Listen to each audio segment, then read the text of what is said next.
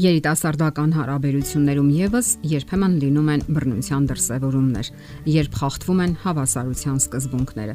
Երբ կողմերից մեկը, որը սովորաբար լինում է տղամարդը, ճնշում է մյուսին եւ դիմացինը մտածում է, որ դա ժամանակավոր է եւ վաղ թե ուշ կանցնի։ Սակայն հարաբերությունները շարունակվելու դեպքում բռնության դեպքերը համարյա չեն ավարտվում Հակասականությունն այն է, որ շատերն այստեղ չեն շտապում ավարտել հարաբերությունը, հուսալով բարելավումների, որը սակայն անիրական է։ Իսկ ինչու է այդքան դժվար լքել հարաբերությունները եւ վերջնական լուծում տալ։ Մարդկանց մեծ մասը թեթևորեն է լուծում ուրիշի հարցերը հանդես գալիս որպես փորձագետ։ Իսկ հա սեփական հարցերը լուծելիս միանգամայն անպաշտպան է։ Զարմանալի է, սակայն քիչ չեն դեպքերը, երբ կողմերից մեկը համբերում է դիմացինի ծաղրին ու հեգնանքին, թույլ է տալիս անհարգալից վերաբերմունք։ Վիճակագրությունը ցույց է տալիս, որ նվաստացման զոհերը վերադառնում են իրենց բռնարարի մոտ 7 անգամ, նախքան վերջնականապես կխզեն հարաբերությունները։ Հոգեբանության մասնագետ Պատրիկ Կարնսը գրում է. Այն հարաբերությունները, որտեղ մեկը շահագործում է մյուսին, ստեղծում են դավաճանության վրա հիմնված կապ Զոհը կապվում է իր տանջարարի հետ։ Պատանդը սկսում է պաշտպանել հանցագործին, ով գերության մեջ է պահում իրեն։ Աշխատակիցը հրաժարվում է բողոքել գործատիրոջից, ղեկավարից, ով չի հարգում իր իրավունքները։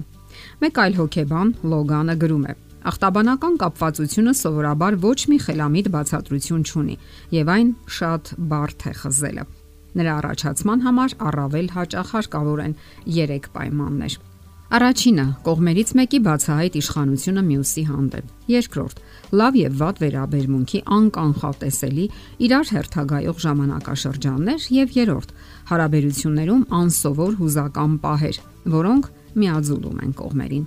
Ուշադրություն դարձնենք, որ ախտաբանական կապվածությունը առաջանում է այն ժամանակ, երբ կողմերը միասին վտանգավոր ուժեղ հույզեր առաջացնող իրավիճակներ են ապրում։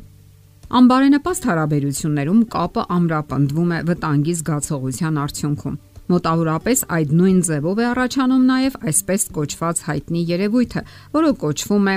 Ստոկհոլմյան համախտանիշ։ Այս դեպքում դաժան վերաբերմունքի զոհը փորձելով պաշտպանել իրեն անկանխատեսելի հարաբերություններում, կապվում է իր տանջարարի հետ։ Տղամարդն այդ դեպքում եւ սարսափեցնում է եւ միևնույն ժամանակ դառնում է մխիթարության աղբյուր։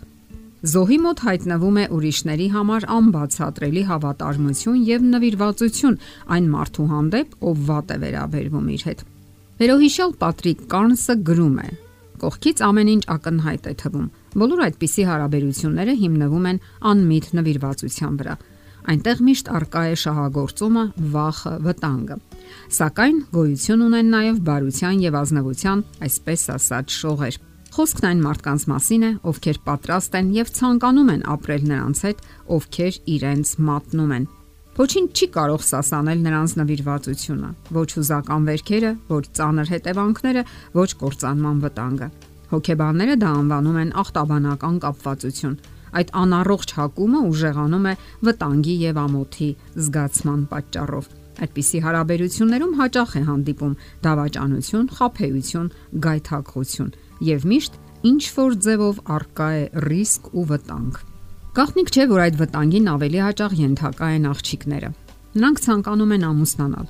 չեն ցանկանում խզել հարաբերությունները, հուսալով բարելավման։ Սակայն այդ բոլորը վերջին հաշվով առանձնակի փոփոխությունների չեն հանգեցնում եւ իրավիճակը մնում է նույնը։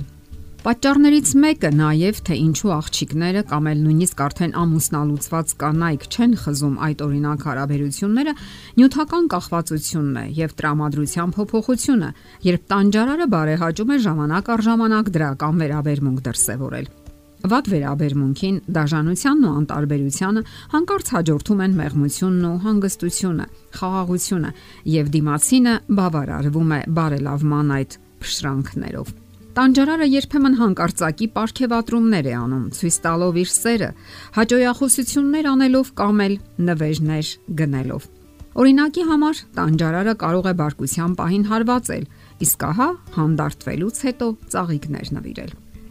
Անկանխատեսելի ապարքեվատրումները հանգեցնում են նրան, որ զոհը ամբողջ ժամանակ ծարավի է խրախուսման։ Նրան բավարարում են ուշադրության ու բարության փշրանքները, որ երբեմն նետվում են իր կողմը։ Նա գաղտնի հույս ունի, որ ժամանակի ընթացքում ամեն ինչ կհարթվի։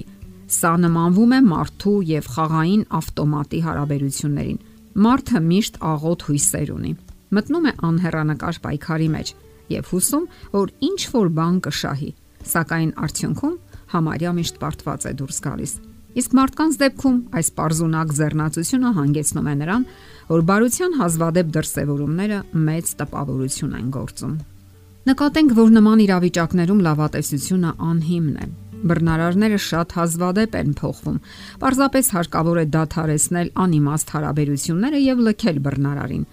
Այդպիսի հարաբերությունները ոչ մի լավ բան չեն խոստանում եւ ճունեն հուսալի ապագա։ Դրանք տեղափոխվելու են ամուսնական դաշտ եւ պատմությունը կրկնվելու է։ Հարկավոր է սթափ եւ իրատես լինել իրավիճակի հանդեպ։ Աշխարը չի սահմանափակվում մեկ մարդով։ Դուք կարող եք շատ հանգիստ լքել անառողջ հարաբերությունները, նորովի արժեքավորել ձեր կյանքը եւ չդադարեցնել որոնումները